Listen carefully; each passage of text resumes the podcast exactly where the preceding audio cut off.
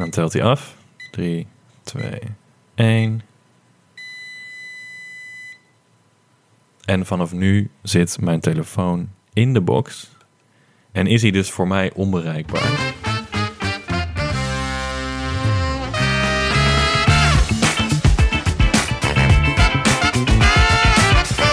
Hallo en welkom bij Red Millennial. Je hoort het goed, we zijn terug na maanden en maanden en maanden pauze. Uh, dat komt doordat Bouke een hele dodelijke en enge ziekte had, waar je misschien wel van hebt gehoord. Corona! Uh, maar we zijn terug in de studio.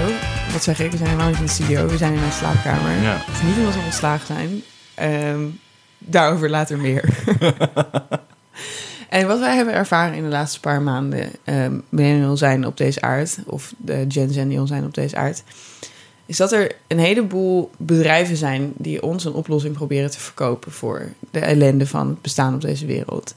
Um, dat er dus een heleboel producten en diensten specifiek aan ons gericht worden, die ons, om het zo maar te zeggen, zouden kunnen redden. Heb je dat ook uh, gezien, Bouke? Ja, dat is mij ook heel erg opgevallen. En dat hebben we natuurlijk ook al gedaan in het vorige seizoen met uh, Swapfiets en met uh, Y-Food. Allemaal ja. producten die het ons het leven makkelijker zouden kunnen maken. En uh, jij stuitte laatst op iets dat belooft om jouw leven te redden. Ja, Goedemiddag, lieve luisteraars van uh, Red Millennial. Um, ik heb net een pakketje binnengekregen, want uh, ik heb iets gekocht wat ik deze week voor jullie ga uittesten. Zoals vaste luisteraars van onze show wel weten, zit ik al vrij lang in de knoop met een verslaving aan mijn telefoon. en daarin ben ik vast en zeker niet de enige. Um, mijn schermtijd is inmiddels uh, tussen de drie en vier uur per dag. En het is, voelt echt schaamtevol om dat überhaupt hardop te zeggen. Maar ik wil daar iets mee. En ik merkte dat ik het niet alleen kon. En toen kwam ik laatst een advertentie tegen voor iets dat heet de Focus Box. En dat is eigenlijk een kluis waar je je telefoon in kan doen met een timer erop, uh, die je dus niet kunt openen. En ik dacht, dat is nou leuk om eens uit te testen. Dus ik heb hem net binnengekregen. Uh, ik heb net de unboxing gedaan. En wat ik nu in mijn handen heb is een doorzichtig, ovale, uh, ja, soort emmertje. gemaakt van plastic.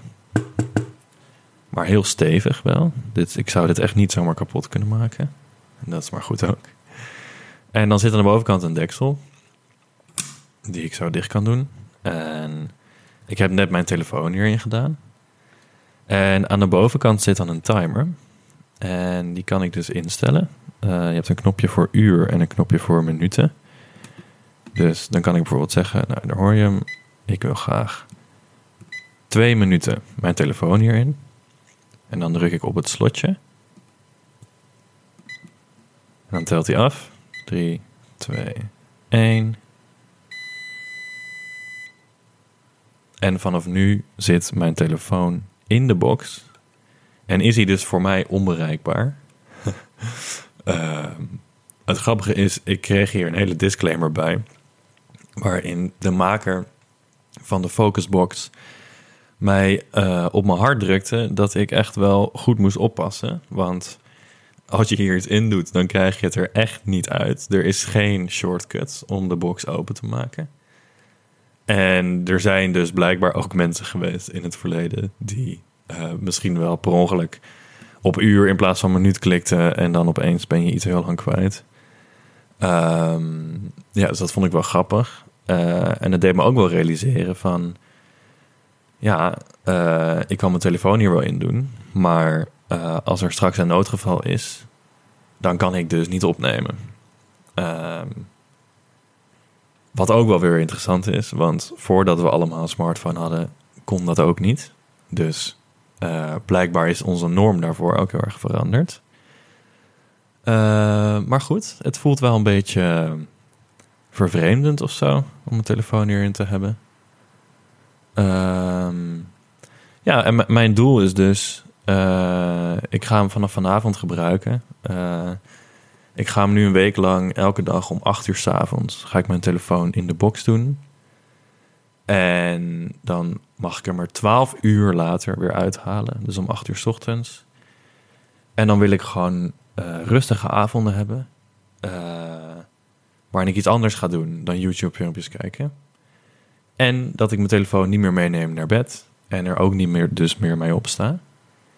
Ehm, ja, dus ik ga een digital detox doen voor jullie. En ik zal jullie op de hoogte houden hoe het gaat. Nou, daar hoorde je de box die weer open ging. Dus ik kan nu weer mijn telefoon pakken. Ehm, maar dus de volgende keer dat ik hem gebruik, ga ik hem instellen op 12 uur lang. Nou, ehm, ik hou jullie op de hoogte. Oké, jij kreeg reclame voor de Focusbox. En jij dacht, misschien is dit wel wat mij gaat redden van mijn telefoonverslaving. Ja, ik was er in eerste instantie super sceptisch. Want het wordt zo gepresenteerd op die website. Het is gemaakt door Bas Wallis. Dat is een student uit Groningen. Die eh, econometrie heeft gestudeerd. En die heeft zo'n verhaal daarbij van... Vroeger was ik, was ik iemand die me nooit kon focussen op dingen. En ik was altijd afgeleid. En toen heb ik me uiteindelijk gerealiseerd... hoe ik mezelf kan hacken... om ervoor te zorgen dat ik... eh, meer productief kan zijn. Dat is ook zijn hele doel. Hij heeft het heel erg vaak over flow en productiviteit. Oh, dat doet me heel erg denken aan die Y-food mensen die dan zo waren van... Oh, eerst aten wij, lagen wij elke dag in een foodcoma. En nu, Ja. nu wij op smoothies leven, hebben we dat niet meer. Ja, Is exact. dat het iemand die zelf eronder heeft geleden en aan zelfverbetering heeft gedaan? Ja, en Waarom de- zouden ze dat zo adverteren? Het is omdat je zelf ook aan zelfverbetering aan het doen bent. ja, dat denk ik. En ik denk ook dat dit soort mensen... Dit is heel generaliseren, maar dit soort mensen ook een soort van predikdrang hebben of zo. Zoals iedereen op LinkedIn. Ja, en zoals elke man. Ja, maar, het werkt, maar het werkt ook natuurlijk... Zo, qua marketing werkt het ook omdat wij allemaal heel erg geloven in de cultus van zelfverbetering, toch? Van, Ja, van zelfhulpboeken en weet ik wat. Dus je gelooft dat, neemt dat ook eerder aan van iemand die het net zoals jij een Ja. mens is met, met gebreken. Ja, en je wil dan zo zijn zoals Bas Wallis. Ja, precies. Ik wil ook dan diegene zijn die vroeger zich niet kon focussen... en nu elke avond een boek schrijft. Want als Bas Wallace zo zei van... oh, ik heb nog nooit in mijn leven een smartphone aangeraakt... dan zou je dit ook niet van hem kopen natuurlijk. Nee, precies. Ja. Oké, interessant. Weer Ja. een sterk staaltje millennial marketing. Ja. Goed, het, is, het klinkt alweer alsof het heel erg te maken heeft met, met werk verrichten. Niet per se met innerlijke rust of zo. Ja, daardoor was ik er dus sceptisch over. Dus zijn doel is gewoon om mensen harder te laten werken. En het, het gaat echt niet om, weet ik veel, rustig worden of lekker ontspannen. of zo. En wat was jouw persoonlijke doel? nou, eigenlijk gewoon om een experiment met mezelf uit te halen. Wat gebeurt er nou als ik niet meer op mijn telefoon zit de hele avond? En ik had wel, want ik, ja, ik woon dus alleen.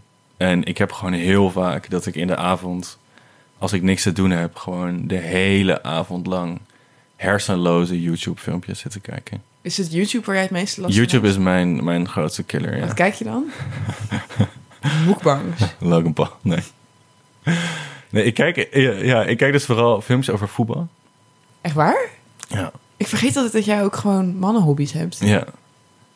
Eh, ja, hele slechte... Ik zou dus niet eens kunnen vertellen waar die films over gaan... omdat het ook nooit echt binnenkomt. Het is dan gewoon de 25 beste doelpunten van Manchester United. Ja, of wat, wat is er deze week gebeurd in de Premier League? En dan gaat iemand daar 50 minuten over praten. en ik heb dat dan gewoon in mijn oor.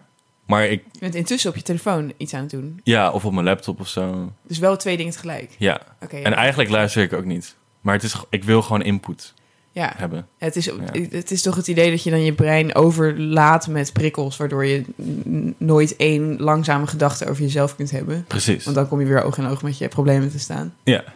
ja, het is gewoon heel erg escapisme. Ja, je, je hoeft niet na te denken als je iets in je gooit. Het is gewoon equivalent van John Costette. Oké, anyway, Dat is wat jij doet, toch? Ja. Elke avond.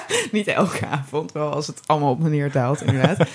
Ehm, maar neem me even mee in je proces. Jij dacht van, ik ben een beetje klaar met die, met die eh, zichzelf versterkende verslavingsspiraal. Ja, ik ga de focusbox aanschaffen. ja. Hoe lang deed jij je telefoon daarin?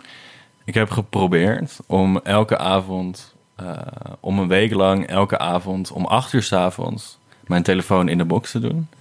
En dan ging die acht uur 's ochtends weer open. Wow, maar de uren van 8 uur 's avonds tot 12 uur s'nachts zijn echt primetime voor telefoon. Nee, precies. Dus dat was, en ik dacht van, ik hoef niet per se overdag mijn telefoon niet te hebben, want dan vind ik hem ook gewoon best handig. Maar die, die avond wilde ik eruit halen. En de ochtend ook. Ik wilde niet opstaan met mijn telefoon. Je staat op voor 8 uur 's ochtends. Ja, probeer ik wel. Wow, oké. ja, je bent echt een beter mens dan ik. Had het het effect dat jij had beoogd? Nou, eh, eh, we kunnen anders wel even luisteren naar hoe ik dat heb gedaan. Oké. Nou, lieve mensen, het is eh, op dit moment 8 uur 's avonds. Ik heb mijn telefoon in de focus box gedaan en ik ga nu de timer instellen. Voor 12 uur.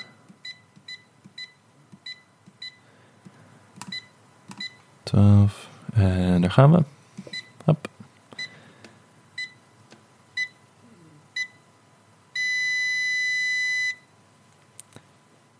Zo, mijn telefoon zit nu voor 12 uur lang in de box. En eh, dit wordt mijn eerste avond eh, digital detox. Ehm, een gedachte die ik heb als ik mijn telefoon hierin stop, is eh, dat ik ook een stukje van mezelf in de kluis stop. En dat klinkt misschien heel raar, maar je hebt ook in de filosofie over technologie het idee dat technologieën eigenlijk eh, extensies zijn van onszelf. En dat we niet. Dat onszelf niet ophoudt bij het lichaam, maar dat wij ook in onze technologieën zitten. En met een telefoon is dat ehm, heel relevant, want telefoon heeft ook heel veel van dezelfde eh, functies of cognitieve functies als mensen ook hebben. Uh, bijvoorbeeld, we gebruiken onze telefoon om dingen te onthouden, uh, om dingen voor ons uit te rekenen, om te communiceren met mensen. En het is in die zin, zou je het kunnen zien als een extensie van je lichaam? Um, en met diezelfde redenering zou je zelfs kunnen zeggen dat je een bepaald soort um, fantoompijn kan voelen als je telefoon weg is. Fantoompijn is het fenomeen dat als je uh, been is geamputeerd, uh, wat we allemaal wel kennen natuurlijk. nee, het fenomeen dat je been is geamputeerd, dat je er nog steeds pijn in kan hebben. En het gevoel kan hebben dat het er niet is. En, en, en, en dat het niet bestaande been nog dingen kan voelen, zeg maar. En mijn telefoon in deze box stoppen doet me op een of andere manier dus denken aan uh, een stukje van mezelf amputeren en ergens wegleggen. En uh, de fantoompijn zit hem dan in het uh, constant graaien naar je zak. Uh, en dan voelen dat hij er niet is. Uh, alsof het een soort ledemaat is waarvan je nog wel denkt dat het er is, maar het, het is weg. Nou goed, tot zover mijn eerste reflecties. Oké. Okay. Ik vind het een hele interessante vergelijking die jij maakt. Ja. Uh, uh, fantoompijn. Uh, interessant dat je dat ook had klaar liggen één minuut nadat je het in de box had gestopt. Je ging echt zo zitten filosoferen. Um, en dat, dat die dingen een onderdeel van ons lichaam zijn geworden. Het is echt zo dat ik bepaalde functies in mezelf voel afsterven, omdat ik die nooit zelf hoef uit te voeren. Ja, Bijvoorbeeld navigeren is er heel erg eentje van. Ja. Ik weet zelfs in de stad waar ik al jaren woon nauwelijks waar ik ben uh, op de kaart. Ja. Omdat ik gewoon bijna nooit dat zelf hoef te doen. Ja. Ik wil het later nog wel even over hebben of dat een probleem is of niet. Mm -hmm. Maar de fantoompijn, herken je het zelf? Ja, enorm. Ik heb het letterlijk gevoel dat het onderdeel van je lichaam is. Dat voel ik nog het meest uh, in... Oké, okay. Je vergeet wat het woord hiervoor is. Maar mm -hmm. je hebt naast de gewone zintuigen, namelijk zien en voelen en uh, proeven en al die dingen, ja. zijn er ook nog die van evenwicht. Oh ja. En die ja. van uh, waar je ledematen zich bevinden op dat moment. Ja. Dat is iets wat verstoord kan raken als je hersenletsel hebt of zo. Ja. Maar dat is een zintuig dat jij hebt. Ja. Dat je op een willekeurig moment weet waar je linkerhand zich bevindt, bijvoorbeeld. Ja. Namelijk eeuwig in je zak aan het graaien, zoals je net zei in je fragment. Um, en dat heb ik nu ook met mijn telefoon. Dat ik een grote bewustheid heb van waar dat ding is. Ja. Op ieder moment. Ja. Dat als je dus ook hij niet is op de plek waar je denkt dat hij is, dat je dan echt een soort pijnscheut door jezelf heen voelt gaan. Of een Ja. paniekscheut. Ja.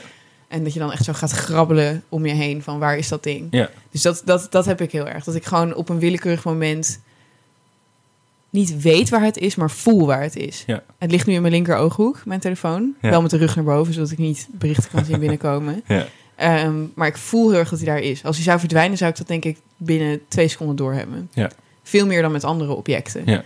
Eh, dus ik verlies hem ook niet. Ja. Of zo. Ik laat hem wel uit mijn handen flikkeren, maar het is, ik raak hem ook niet, ik raak hem niet kwijt zoals ik mijn portemonnee kwijtraak. Nee, en dat laat voor mij dus zien dat, dat je het bijna zou kunnen beschouwen als onderdeel van überhaupt je lichaam of wie jij bent. Wat vind jij van die eh, eh, trend die een paar jaar geleden begon van telefoonhoesjes met een nekkoord eraan? Ken je dat? Nee. Oh, dat heb je nog nooit gezien? Oké, dat is... ehm, vooral vrouwen hebben dit, geloof ik. Ik zie toeristen het vaak dragen. eh, maar ook gewoon Amsterdamse meiden, zeg maar. Mhm. Het is gewoon... Dan zit je telefoon in een hoesje dat twee eh, haakjes aan de bovenkant heeft. En daaraan zit dan weer een heel lang koord dat je schuin over je lichaam draagt. Ah, ja. Eh, dus je hebt het dan als een, bijna als een handtas, heb je het aan je hangen. Dus je hoeft hem dan niet ooit meer uit je zak te halen. Je hebt hem gewoon Ja. aan je hangen. Nou goed, ik weet al wat jij hiervan vindt. Ik vind het een zorgwekkende vergroeiing van mensen en technologie. ja, en vergroeiing, dat is voor mij echt het goede woord ook hier. Oké, leg uit. En want omdat ik dus zelf in ieder geval het idee heb dat het, dat het echt onderdeel is geworden van je lichaam. En het zit buiten je lichaam. Je, maar je zou je lichaam kunnen zien als gewoon je vleeszak die je bent. Ja, Die jij bent. oké. Maar de objecten om ons heen hebben heel veel invloed op dat lichaam. Eh, zo erg dat, ze, dat je ook zou kunnen zeggen dat ze er onderdeel van zijn. En als je de telefoon met een koord om je nek hangt, dan heb je blijkbaar een soort behoefte om het heel dicht bij je te houden. En maar het schetst heel veel een grens voor mij. Want ik ben bijvoorbeeld ook afhankelijk van mijn fiets. Mhm. Is dat, ben ik vergroeid met mijn fiets? Nee, denk het niet. Nee. Omdat ik dus niet de hele tijd een soort gevoel heb van... ik moet aan die fiets gaan zitten. Ja, ik denk twee dingen. Het eerste is, wat ik ook zei in dat fragment, jouw fiets neemt niet echt eh, cognitieve capaciteiten van jou over of zo. Terwijl je telefoon is eh, ook echt een extensie van je geheugen. Eh, het is een extensie van je navigatievermogen. Het is je sociale smeermiddel. Het is je communicatie.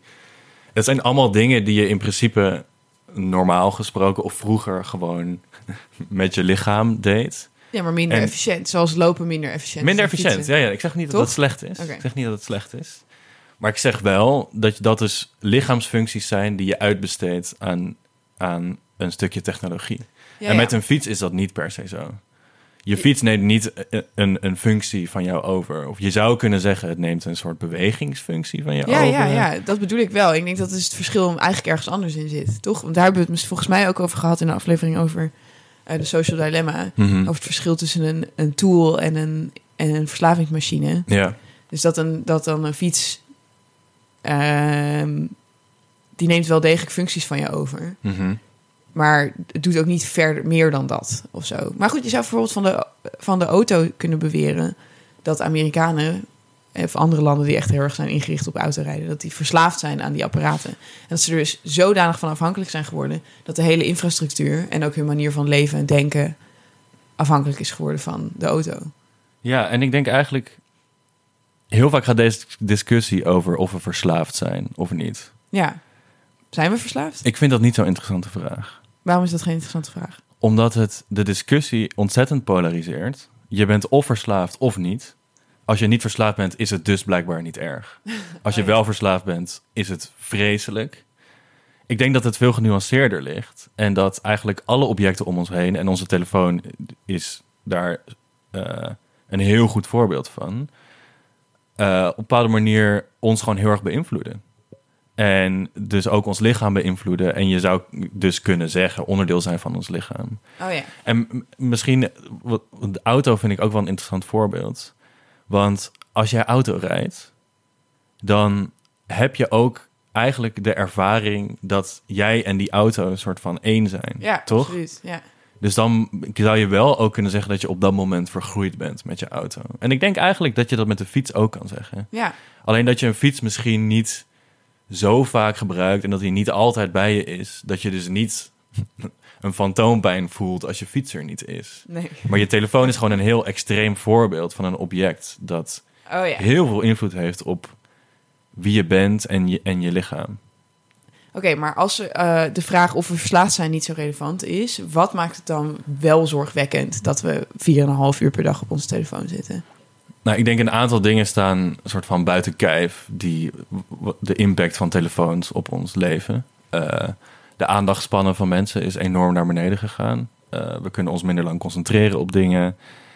Eh, het vermogen tot empathie is aantoonbaar omlaag gegaan in, in kinderen die opgroeien met smartphones. Oké. En dat wordt heel erg gelinkt aan eh, dat ze mensen niet meer in de ogen aankijken.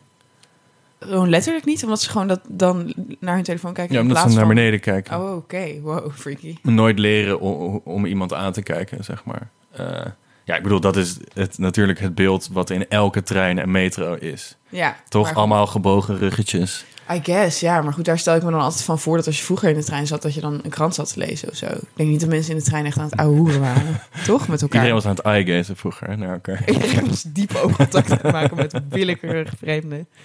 Oké. Ehm, En eh, nog het laatste. Eh, er is een hele duidelijke correlatie tussen telefoongebruik en eenzaamheid en depressie. Ja. ja, hier hebben we het wel een keer over gehad in de aflevering over eenzaamheid. Over dat ja. er een soort kunstmatig eh, vriendschap is die zo weinig bevredigend is dat je eigenlijk nog eenzamer wordt dan als je niet op je telefoon zou Ja, zitten. ja. Ehm, maar om even advocaat van de duivel te spelen, of trouwens misschien meen ik dit wel gewoon. Ehm, wat is er nou precies moreel verwerpelijk aan urenlang op je smartphone zitten?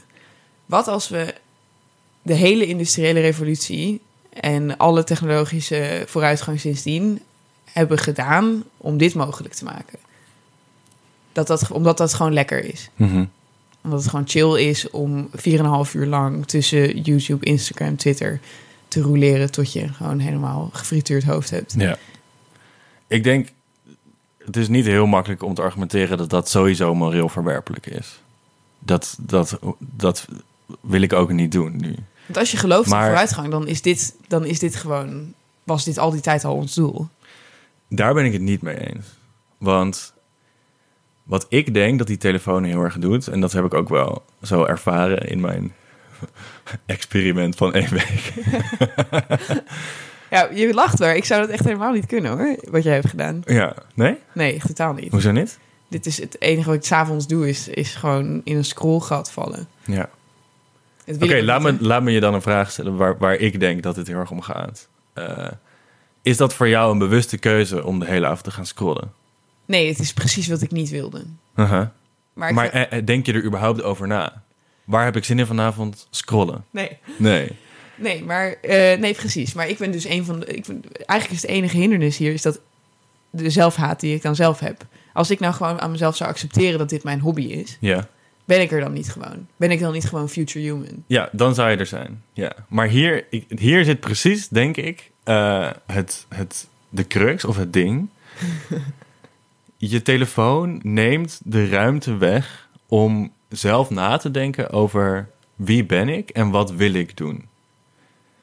Oké, ik, ga, ik, ik, ik ga het even iets beter uitleggen. Het heeft mij heel erg doen denken aan... Je hebt in de filosofie het verschil tussen positieve vrijheid en negatieve vrijheid.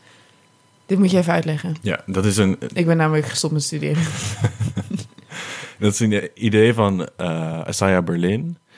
En die heeft gezegd van... We focussen heel vaak als we het over vrijheid hebben... focussen we op eh, of je wel of niet wordt verhinderd om een keuze te maken. Stel je voor dat je op een kruispunt staat... en er zijn drie afslagen die je kan nemen... maar twee daarvan zijn geblokkeerd... dan heb je niet de vrijheid om die twee afslagen te nemen... dus je wordt gedwongen. Nou, dat soort van klassieke idee van vrijheid. Dus dan het klassieke idee van vrijheid is dat het chill zou zijn als er drie opties waren in plaats van één. Ja, of niet per se chill, maar gewoon dat je meer vrijheid hebt als je meer uit meer dingen kan kiezen. Oh ja, oké, ja. Dan heb je positieve vrijheid. En dat is eigenlijk de, de vrijheid om te kunnen handelen naar het soort persoon die je wil zijn. Dus als je op een kruispunt staat, dat je de vrijheid hebt om zelf te bedenken, waar wil ik heen? Ja, En dat is echt iets heel anders. Dan ik bedoel, dat gaat veel meer om wie ben ik? Eh, wat zijn mijn waarden? Eh, wat, wat zou ik willen kiezen op dit moment? Het is, Ah. gaat meer om zelfontplooiing eigenlijk. oké. En, eh, maar je zou toch zeggen van... we hebben in deze tijd meer positieve vrijheid dan ooit. Nee, dat zou ik dus niet zeggen. Oké, waarom niet? Leg uit. Ik denk dat telefoons een enorme indruk zijn op onze positieve vrijheid. Maar waarom dan? Omdat ze je denkruimte wegnemen. Omdat je nooit bewust denkt van... waar heb ik vanavond zin in? Scrollen. Nee, dat is zeker En ik heb gemerkt deze week in die detox... dat als die telefoon even weg is... dat ik dan opeens ook veel meer kan nadenken over... waar heb ik eigenlijk zin in om te doen? Oh ja, oké, oké. en daar word je je bewuster van. En je gaat meer nadenken over eh, ja, wie je bent. En, en telefoons verhinderen dat gewoon heel erg. Omdat je, omdat je ze gedachteloos pakt, altijd. Dit klinkt allemaal heel aantrekkelijk. Mijn grootste hindernis, denk ik, in het afkicken van een telefoon... is eh, wat er in het artikel van De Groene werd beschreven als digitaal conformisme. Ja. Eh, eh, dus dat je gewoon eigenlijk gedwongen bent of, of sociaal verplicht bent... om hetzelfde te doen als de mensen om je heen. Ja. Dus digitaal non-conformisme is wat jij hebt gedaan eigenlijk. Nu Ja. een week, dus door 's avonds onbereikbaar te zijn. Mhm. Ehm, ik weet niet of ik daaraan zou kunnen of zo. Want hoe goed ik ook weet dat het voor me zou zijn om mijn telefoon weg te stoppen. Mhm. Ik zou het idee dat ik op een onhandige manier onbereikbaar ben voor anderen... nog veel stressvoller vinden dan het scrollgat waar ik elke avond in val. Ja, ja en dat, maar dat is denk ik een heel groot probleem hiermee. Dat je dus ook blijkbaar niet die vrijheid voelt. Om je telefoon weg te leggen. En ik denk dat heel veel mensen dat hebben. En ik had dat zelf ook deze week. Dat ik inderdaad... eh, ja, je krijgt toch een bepaalde FOMO. Zowel op, op sociaal gebied als op werkgebied. En inderdaad heel erg het gevoel van... Ja, ik heb helemaal geen recht om mijn telefoon weg te leggen. Want ik, ik moet bereikbaar zijn of zo. Ja, nou bijvoorbeeld, kijk, ik, ehm, ik heb een tijdje bij een uitgeverij gewerkt en daar was een eh, schrijver met wie ik in contact moest zijn om dingen te regelen en die had geen mailadres. Dus die kon ik alleen maar bellen naar zijn huistelefoon. Of als ik hem een document wilde sturen, dan moest dat per post. Mhm. Daar heb ik wel echt ontzettend met mijn ogen gerold. Want hoe moeilijk kan het nou zijn om een mailadres aan te maken? Ja. Toch? Het is, dit was 2019. Ja. Ehm, dus daar, dat niveau van non-conformisme vond ik gewoon storend. Ja. Toch heeft die man natuurlijk het recht om dat te doen... als het Ja. zijn eigen gemoedsrust in de hand werkt. Ehm, maar zijn er grenzen aan digitaal non-conformisme? Zeg maar, moet iedereen zich zoveel mogelijk kunnen onttrekken? Ik wil... ING Mhm. doet niet meer aan eh, met de hand geschreven bankafschriften. Mhm. afschriften of hoe noem je Mhm. dat? Dat je geld overmaakt met... Hoe heet dat überhaupt? Giro. Giro, ja. Accept Eh, Giro. Ja, dat bestaat niet meer Nee. nu. Ja. Eh, eh, je zou kunnen zeggen dat je daarmee mensen buitensluit... die dat liever wel, die zich zouden willen onttrekken aan de digitale wereld. ja. Ik denk dat de vraag is die ik nu stel is van... heb je een verantwoordelijkheid naar andere mensen om tot op zekere hoogte digitaal te conformeren? Denk het wel. Ja. Tot op zekere hoogte, Ja. zou jouw antwoord zijn. Nee, maar ik denk, ik, ik wil hier niet gaan pleiten om allemaal volledige onthouders te worden van digitale technologie. Eh, en ik denk dat het ook heel handig is dat we allemaal snel bereikbaar kunnen zijn. En dat inderdaad, ja, je kan ervoor kiezen om je helemaal niet te conformeren. Maar dat is ook gewoon heel irritant voor je omgeving. Ja. Eh, maar dat hoeft ook niet. Maar wat, het punt wat ik wil maken is dat je zelf kunt nadenken over hoe erg je wil conformeren. Ja, nee, misschien zit ik zit de hele tijd te denken van waar zit er nou dan de oplossing van de, de sociale samenhang die je eigenlijk in de war schopt als jij afkikt. Aha. Ehm doe me ook eigenlijk echt denken aan afkicken. Want was op de middelbare school altijd dan zo van... Dit heb ik wel eens besproken met van die jongens die toen echt superveel bloden. Ja, En als ze dan stopten met blowen, dan waren ze meteen hun vriendengroep kwijt. ja. Want dat was dan het hele ding, de hele activiteit. Ja, ja, ja, ja. En zo is, heb ik ook sommige vrienden die ik eigenlijk alleen in appgroepen spreek. Dus ik denk dan van, als ik daarmee zou stoppen... Met me, als ik zou afkicken van deze verslaving... dan ben ik die vrienden ook echt kwijt. Ja, dat, ja, dat is denk ik ook. Eh, maar wat de oplossing dan misschien is, en daarin ben ik wel op zich optimistisch over de toekomst, eh, is, dat, is een eh, niet één grote overkoepelende oplossing, maar een diversiteit aan persoonlijke oplossingen. Dus dat het normaal wordt dat niet iedereen meer een iPhone heeft. Kijk, we Ja. hebben nu misschien dat tijdperk gewoon gehad, hè, dat iedereen hetzelfde communicatiemiddel Hm. altijd op zak heeft. Ehm, en dat niet iedereen meer 24-7 beschikbaar is. Eh, waardoor er ook geen aanname meer is, maar een vraag. Hmm. En dat de vraag dan gewoon is van, hoe communiceer jij? Ja, Doe jij überhaupt aan WhatsApp-groepen? ja, ja, ja, ja, wel? ja, ja. Eh, nee, ik bel alleen Ja. of zo. ja, Ik ja. ken- misschien zijn dit mijn kringen hoor, maar ik ken steeds meer mensen die een persoonlijke handleiding hebben voor hoe je met ze moet communiceren. Ja, nee, ik zie Jij dat ook bent er wel nu steeds één meer van, toch? Ja, ik nee, kan jou s'avonds ja. niet meer appen. Ja, Trouwens, je was gisteravond wel online. ja, het is ook niet, helemaal niet goed gelukt deze week.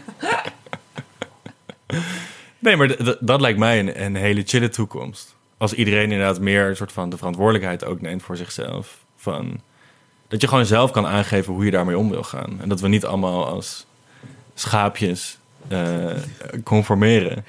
Het is wel interessant dat je dit zegt. Eh, jij denkt natuurlijk heel veel na over technologie. Dit is de opleiding die jij aan het ja. doen bent. En ik heb het idee dat er in het genre mensen die heel veel nadenken over technologie... zijn er twee categorieën. Ja, Dus mensen die echt denken dat het ons gaat redden. Ja. Hoe meer vooruitgang, hoe beter we af zijn. ja, Ik zou dit categorie Elon Musk noemen. ja. Die dan nu weer een of andere supersnelweg onder de gewone snelweg wil gaan bouwen. Maar goed, dat Ja. terzijde. Eh, en de andere categorie is eigenlijk mensen zoals jij. Die dan zeggen van... Ja, maar het vreet aan je hersenen. En het neemt jouw wilskracht weg. Mhm. En weet ik veel wat. Mhm. En dat er tussen die twee categorieën... eigenlijk alleen een hele grote groep is... die hier niet bewust over nadenkt. Dus Ja. dat die toekomst die ik voor ogen heb... waarbij iedereen voor zichzelf een afspraak heeft... zoals je ook voor je eigen sportgedrag of zo een afspraak hebt... van dat, dat, dat die kans dat die toekomst gaat bestaan ook vrij klein is... omdat heel veel mensen überhaupt niet hierover nadenken. Nee, precies. Ja, ja. Ik zou Nee, een vriend van mij kunnen beschrijven... die is echt toekomstpersoon, zeg maar, future human... zoals ik hem beschreef. Ja, Ehm, hij zit echt heel veel, heel veel, heel veel op zijn telefoon. Mhm. Maar hij functioneert er niet minder om in zijn eigen ogen. Mhm. Dus hij werkt hard en veel. En Mhm. hij heeft een eh, druk sociaal leven. Mhm. En eh, hij haalt goede cijfers. En hij zit zes uur per dag op zijn telefoon. Ja. Maar, weet je wel, hij is oké, toch? ja, tuurlijk. Nee, maar, maar eigenlijk niet. Want wij vinden van niet. Nou, ik, nou, ik vind, als hij, dat echt, als hij dat echt wil... Als hij daar bewust over heeft nagedacht en denkt... Ja, maar hij is er dus niet bewust over nagedacht. Nee, Hij ziet gewoon die zes uur als dat natuurlijk... Dat is gewoon, daar denkt hij niet over na. Ja. Dat gebe- overkomt hem gewoon. ja, nee, ja, nee, dat, nee, en dan dat, is het kut. ja, dat vind ik wel kut. Oké, dan zit daar gewoon de sleutel in dat alles dat je niet, waar je geen beslissingsvrijheid over hebt, dat moeten we verwerpen. Ja, en waar ik dus een beetje bang voor ben... als je het hebt over toekomstbeelden... Mhm. eh,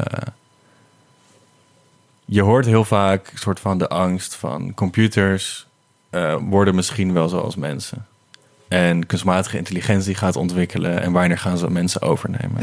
Ja, dat is echt al onze angst sinds, weet ik veel, de eerste horrorfilms over robots. ja, en totaal onzinnig ook, vind ik in ieder geval.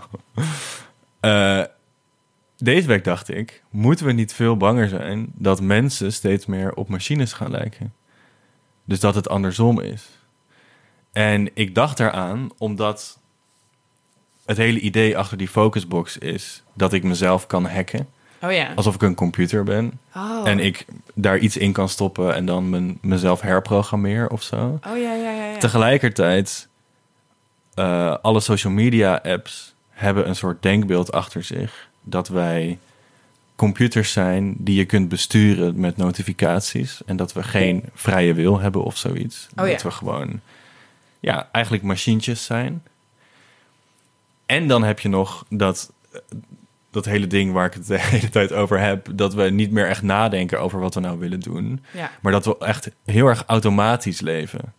En automatisch op onze telefoon gaan. Oké, maar vind jij nou wel of niet dat mensen in machines aan, veranderen zijn, aan het veranderen zijn? Want jij bent wel sceptisch over dat hele idee van dat we gokmes- gokverslaafde, ehm Ja. algoritmeverslaafde zijn. Ja, Maar je, weet, maar je vindt wel dat, dat je lichaam langzamerhand vergroeit met je telefoon.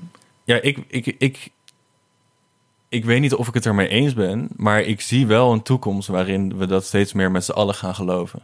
En dat maakt me wel bang. En helpt het in je eigen omgaan met je eigen verslaving om jezelf om te accepteren dat je machteloos bent? Zoals dat ook bij alcoholisten is.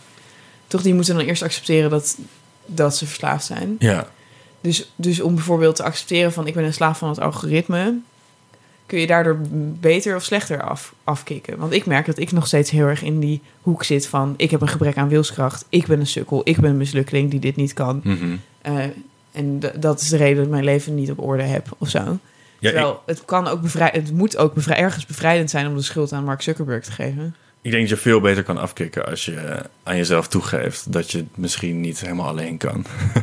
of, de- of dat het je gewoon heel erg beïnvloedt. Ja, Eh, dat had ik ook met die focusbox. Dat aan het begin vond ik het echt heel pathetisch. Dat ik een fucking telefoonkluis nodig heb om om te gaan met mijn telefoon. een object dat je zelf hebt aangeschaft. Ja, dat is ook heel erg. Ik vind dat heel grappig. Dat is ook zo'n term eh, eh, in techniekfilosofie, solutionism. Dat is het idee dat elke keer wordt er een technologie gemaakt die zogenaamd een probleem oplost. Maar in plaats daarvan veroorzaakt het een nieuw probleem. En dat gaan we dan weer met een nieuwe technologie oplossen. Oh, dat is dit wel heel duidelijk. Ja, dus ik vind dat hilarisch dat ik een, dat ik een fucking telefoonkluis moet kopen. Maar ik realiseer me dus eigenlijk wel ook snel van... Ja, ik kan het wel heel pathetisch vinden. Maar het is wel gewoon zo dat ik dit misschien nu nodig heb in mijn leven. En het heeft ook iets pathetisch om te denken... dat je helemaal niet wordt beïnvloed door je telefoon... en dat je het allemaal maar zelf kan, Ja. of zo. Ja. Ik vind dat solutionism super interessant. Want eh, we zijn nog wel meer in eh, onze zoektocht naar informatie over de focusbox. zijn we wel meer dingen tegengekomen dan alleen de focusbox. Ja, Ehm, je hebt natuurlijk gewoon websiteblokkers. ja, Eh, dus dat je bijvoorbeeld een kwartier per dag op Facebook mag en daarna doet je browser dat gewoon niet meer. Die zegt Mhm. dan ga aan het werk. ja. Ehm, ik vond die ene, die vond ik echt heel raar. Want dit- dit worden commitment devices genoemd. Eén daarvan was eentje waarbij die geld doneert aan het tegenovergestelde van een goed doel. ja. Wat Ja. is het tegenovergestelde van een goed doel? Ze, gaan, ze gaven alleen als voorbeeld. Dit was een website waarbij je dan zeg maar geld erop zet. ja. En als je dan. Wat? Als je dan niet productief bent. Ja, dus bijvoorbeeld dat je... Dat is stick.com. Oh ja. En dan kan je bijvoorbeeld met die, op die website zetten van... nou, eh, ik mag nu een uur niet online komen. En als ik wel online kom, dan doneer ik geld aan de wapenindustrie in Amerika. Het is zo raar, want uiteindelijk doneer je daar alleen maar geld mee aan de wapenindustrie, toch? Deze website. ja, als het, als het mislukt. Ja, maar dat is, er is geen geld dat naar goede dingen gaat. Nee. Dus deze website is eigenlijk alleen maar geld aan het overmaken naar, weet ik veel, de tabaklobby of zo. Ja, het is een soort hele extreme variant van dat je wil stoppen met roken... en dan tegen een vriend van je zegt van... als ik weer rook, dan geef ik je 50 euro. Oh ja. Weet ja, je wel? Ja, ja, ja, Maar zij hebben dat Maar dat is een vriend. Ja. Oké, nou ja. Ja, maar misschien werkt het wel heel goed. Ik weet niet, als ik zou denken van... ja, als ik nu online ga, dan geef ik geld aan de wapenindustrie... zou ik misschien ook wel even twee keer nadenken, toch? Ja, ik, weet, ik vind geen van deze oplossingen vind ik echt, echt een goede. Want bijvoorbeeld die, ook die focus meet. Ja, Dat is dan dat je dan via een webcam samen met iemand anders productief gaat zitten zijn. ja. Ik vond dat dit lijkt mij ook een recipe voor Ja, ik ken je dus- lul tevoorschijn halen. Ja, dat zou misschien wel kunnen. Dat is zo- zoals iedere videodienst Ja. dat is. Ja, ik ken iemand die dit heel vaak gebruikt. Een vrouw. Eh, ze heeft nog nooit verteld over piemels die ze heeft gezien. Oké, Maar dat goed. is goed nieuws. En zij, zij is super enthousiast daarover. Over focusmate. Ja, want ze zegt van, dat is ook iemand die je niet kent. Dus dan voel je op een of andere manier meer druk om ook echt je best te gaan doen. Als je met een vriend zou gaan facetimen, ja, dan ga je misschien toch gewoon lullen. Ja, wij hebben af en toe werkuurtjes samen. Gewoon twee uur lang te roddelen Ja, met mensen. Ja, precies. Eh, nee, zij is daar super enthousiast over. Dat je gewoon een uurtje met iemand gaat werken. En dan heb je daarna automatisch een half uur pauze. Ja, het is allemaal... Het is, ik voel een soort weerstand hierbij dat het enorm kunstmatig is. Ja. Maar het, het werkt voor haar in ieder geval ja, maar wel. laten we daar het heel even over hebben. Ja, Want dat is inderdaad mijn hele eh, houding ten opzichte van de Focusbox. Ja. En ten opzichte van, van Focusmate en Stick en whatever nog meer. Ehm, is dat ik ben toch een mens met vrije wil. Ik zou dit moeten kunnen zonder al deze onzin. ja, Ik heb invloed op mijn omgeving. Mijn omgeving heeft geen invloed op mij. ja. Dat is een gevoel dat ik niet kwijt kan raken. Ja. Ik weiger gewoon te accepteren dat ik een slaaf ben van wat dan ook. toch? Maar dat, dat zijn we toch als mensen zijn we altijd bezig met een eeuwige strijd om onszelf vrij te maken van Ja, overheersende krachten. ja.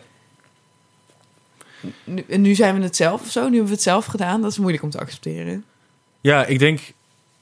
Ik, ik herken het heel erg. Dat ik ook inderdaad snel denk van... Hé, maar ik ben, toch, ik ben toch vrij en ik word toch door niks beïnvloed.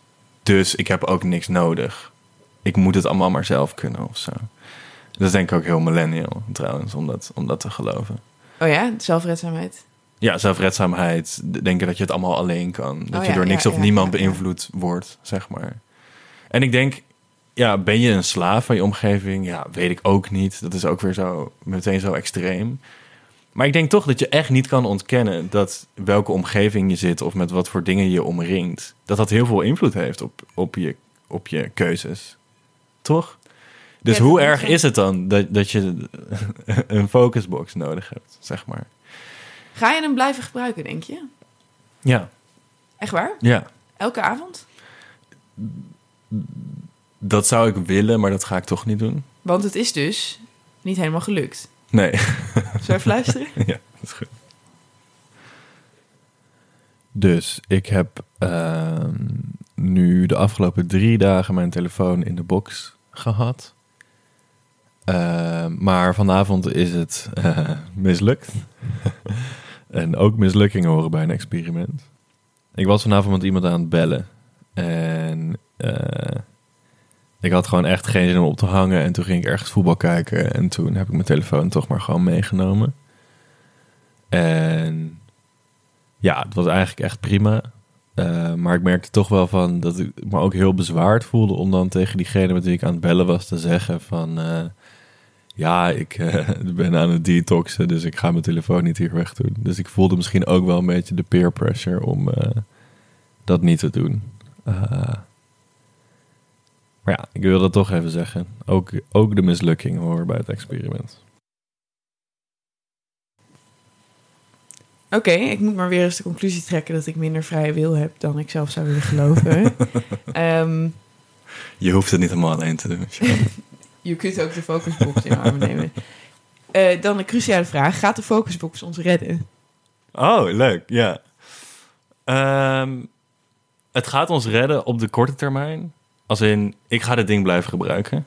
Want ik, ik heb er gewoon een veel chiller leven door, merkte ik deze week. Maar op de lange termijn maakt dit me bang.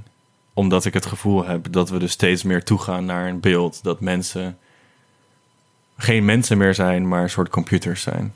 Oké, dat is interessant. Maar eh, een toekomst waarin mensen zich zo bewust zijn van hun eigen verslaafde gedrag... dat ze dus dit soort producten aanschaffen, is in principe goed. Want dan zijn ze dus er bewust mee bezig. Ja, dat lijkt me heel goed. Maar ik zou dan liever dan dat we dit ding nodig hebben, zou ik willen dat we met z'n allen Big Tech omver gooien in een revolutie. Ik heb wel over Marx gehad. hè?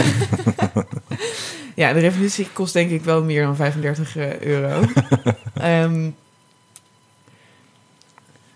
Oké, dus als je eigenlijk net als wij een beetje een eh, eh, afkeer voelt van kunstmatig je leven aanpassen of jezelf kunstmatige hindernissen opleggen, dan is dit meer een po- positieve manier om naar te kijken. Dat experimenteren met je leven door er wel of geen hindernissen aan toe te voegen, dat het ook daadwerkelijk kan leiden tot meer bewustzijn en een, en een bewuster leven of whatever. Of dat je daarna ook zonder die kunstmatige hindernissen meer over jezelf weet. Ja, ik denk gewoon dat het best wel waardevol is om dit te doen als een soort experiment waarin je jezelf eigenlijk expres heel ongemakkelijk maakt. Zodat je meer kan leren over hoe je je wil verhouden tot de oké, wereld. oké. Dat betekent dus niet dat je weer opnieuw solutionism afhankelijk bent geworden van een apparaat. Nee, Want uiteindelijk, ook als nu over een paar weken jouw focusbox box stuk zou gaan, of dat je hem uitleent, ja. dan krijg je al, als het goed is, minder zin om s'avonds op je telefoon te zitten. Ja, en heb ik gewoon veel over mezelf geleerd. Door eventjes mijn telefoon helemaal weg te leggen. Oké, oké, oké, oké. Dus hij gaat ons niet per se redden, maar hij gaat ons wel eh, helpen, de focusbox. Ja. Nou, ik heb er van alles van jou geleerd, Bouke. Hartstikke mooi. Maar ik heb je ook al een paar maanden niet gesproken. Ja. Wel benieuwd of je nog een beetje een millennial eh, bestaan hebt gehad. Nou, ik heb dus ik heb deze week wel een heel ongemakkelijk millennial moment gehad met mezelf. Oké, vertel. De eerste avond dat ik ging detoxen, had ik niks te doen. Want ik had geen telefoon. En eh, ik had net deze podcast set gekocht waar wij nu mee opnemen. En toen ging ik een beetje gewoon in die microfoon praten. En een beetje effectjes doen voor de grap en zo. Helemaal in je eentje. Helemaal mijn eentje. en toen, voordat ik er echt erg in had, was ik opeens allemaal typetjes aan het doen. en heb ik een soort van mini-podcastje opgenomen van één minuut, waarin ik soort van, eh, ja, een soort uber millennial yoga crypto guy eh, imiteer. Maar heb jij een soort latente wens om sketchacteur te worden of zo? nou, ik vind mezelf dus helemaal niet grappig. Maar stiekem denk ik inderdaad soms wel dat ik dat echt super leuk zou vinden. Ken je Marijn Scholten Ja, op Instagram? ja, Dat vind ik echt geweldig. ja. En ja. ik heb dat eigenlijk een beetje geprobeerd na te doen deze week in mijn eentje. Oké. Eh, misschien kunnen we hem even achteraan eh, de aflevering gooien. Voor de oplettende luisteraar. Voor de liefhebbers. Na, na de aftitelsong. Misschien. Eh, Oké, Bouke. Dit klinkt vooral alsof je gewoon een eenzame opsluiting... je bent echt zo die gast uit eh, Castaway. ja, maar nu ken ik mezelf wel beter. Ja. Hey, en jij? Ik heb niet echt een millennial momentje gehad. Ik had gisteravond had ik met jou een soort van generatiekloof momentje. Ehm, althans, ik vraag me af of het een generatiekloof is... of dat ik gewoon de filterbubbel op internet waar ik in beland ben... heel erg anders is dan die van jou. Maar ik stuurde jou een foto waarop ik jou had gejassified. Ja. En jij kende gewoon dat hele woord niet. Ik kreeg gewoon opeens een foto van jou doorgestuurd... waarin ik een soort van gefotoshopt was als vrouw... met enorm veel make-up. Ja. En je zei, je bent gejassified. ja. natuurlijk heb ik geen idee waar je het over hebt. Oké, maar dit is echt al een week een ding. Of misschien wel langer. Ik, internettijd is heel anders dan echte tijd. Soms voelt het alsof iets al maanden een meme is... en dan is het echt van eergisteren of zo. Ja, ja, ja. Maar goed, jassification Ja. van het woord jas. Van, Van het woord jaas. oké, jas, Y-A-S-S. Oké. Eh, dat is een beetje een soort van zangerige manier om iemand yes naar iemand te roepen. Oh, Het- volgens mij komt het oorspronkelijk van een video eh, eh, waarin fans van Lady Gaga haar toeroepen. En dan roept iemand, yes, Gaga. Hoe? Ja, yes. jaas. En dat zijn we fonetisch gaan Hmm. schrijven als Y-A-S-S. Oké. Eh, en het is een beetje een buzzword geworden onder, in een soort van... Misschien is het een cultuur van vrouwen en homo's... waar Mhm. jij dus niet per se in zit. Nee. Ehm, eh, in een soort van Yas Queen, Honey, Boots the House Down... Ah, Beat the Face. Up, weet ik veel wat. Die dingen. Ja. Ehm, daar is dit onderdeel van. Ah. En dus een foto van iemand zo photoshoppen dat diegene weelderig haar heeft en een heleboel make-up op. dat is iemand jassifieren. Ehm, dus eh, heb je weer een leuk internetwoord geleerd. Ja, dankjewel. En eh, weet je wat jassification is. Ja. En eh, we zullen op Insta een foto gooien van een gejassifiede bouke. Oké. Onder de voorwaarde dat we ook een gejassifiede Charlotte zien. Goed, dat zullen we doen. Oké. Oké, nou, dank allemaal voor het luisteren. Ja. Bedankt aan Dag en Nacht Media, de studio waar wij meestal opnemen. Bedankt dat jullie er nog steeds zijn, De luisteraars. luisteraars. Ja, sorry dat we zo lang weg zijn geweest. Ja. Eh, zoals je ziet zijn we nog steeds met hetzelfde onderwerp bezig. het kan een mens bezighouden. Maar goed, als je ook elke avond 4,5 uur aan het scrollen bent... dan heb je natuurlijk niet heel veel tijd om eh, interessante gedachten te ontwikkelen. Nee, we waren gewoon heel druk met scrollen. Ja, ik heb wel veel gescrolld. Ehm, dus inderdaad, bedankt voor jullie geduld en jullie eh, onaflatende steun. Zijn jullie nou heel erg blij dat wij weer terug zijn en jullie ons dat laten weten? Eh, dan kunnen jullie ons sterren geven en recensies op jullie favoriete podcast-apps. Wij accepteren ook betalingen in abonnementen op vriendvandeshow.nl schuine Red Millennial. Eh, en we horen natuurlijk heel graag van jullie. We hebben een Instagram-account, @redmillennial en een Twitter-account, @redmillennial. En voor de wat langere commentaren is er ook een mailadres, redmillennial.gmail.com. Eh ja, Tot over twee weken. tot over twee weken.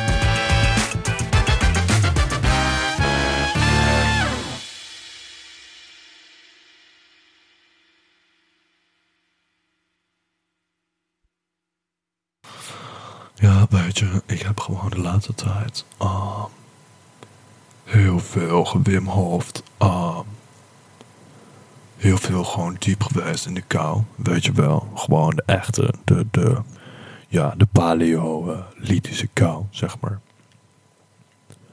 Wat echt super, super nice was, was dat ik op een gegeven moment eh, zo diep in de kou zat dat ik gewoon helemaal oud ben gegaan. En een soort van terug in mezelf ben geworpen. En ik ben pas een maand later wakker geworden eigenlijk. Of nou ja, ik moet goed zeggen, ik ben wakker gemaakt. Eh, ik was gewoon helemaal bevroren. Ja, ik zat gewoon... eh, ik had mezelf dus ingegraven in een soort aan ijsschot. En ik dacht van, ja, als je echt kou wil, dan moet je ook echt, echt naar de kou, zeg maar.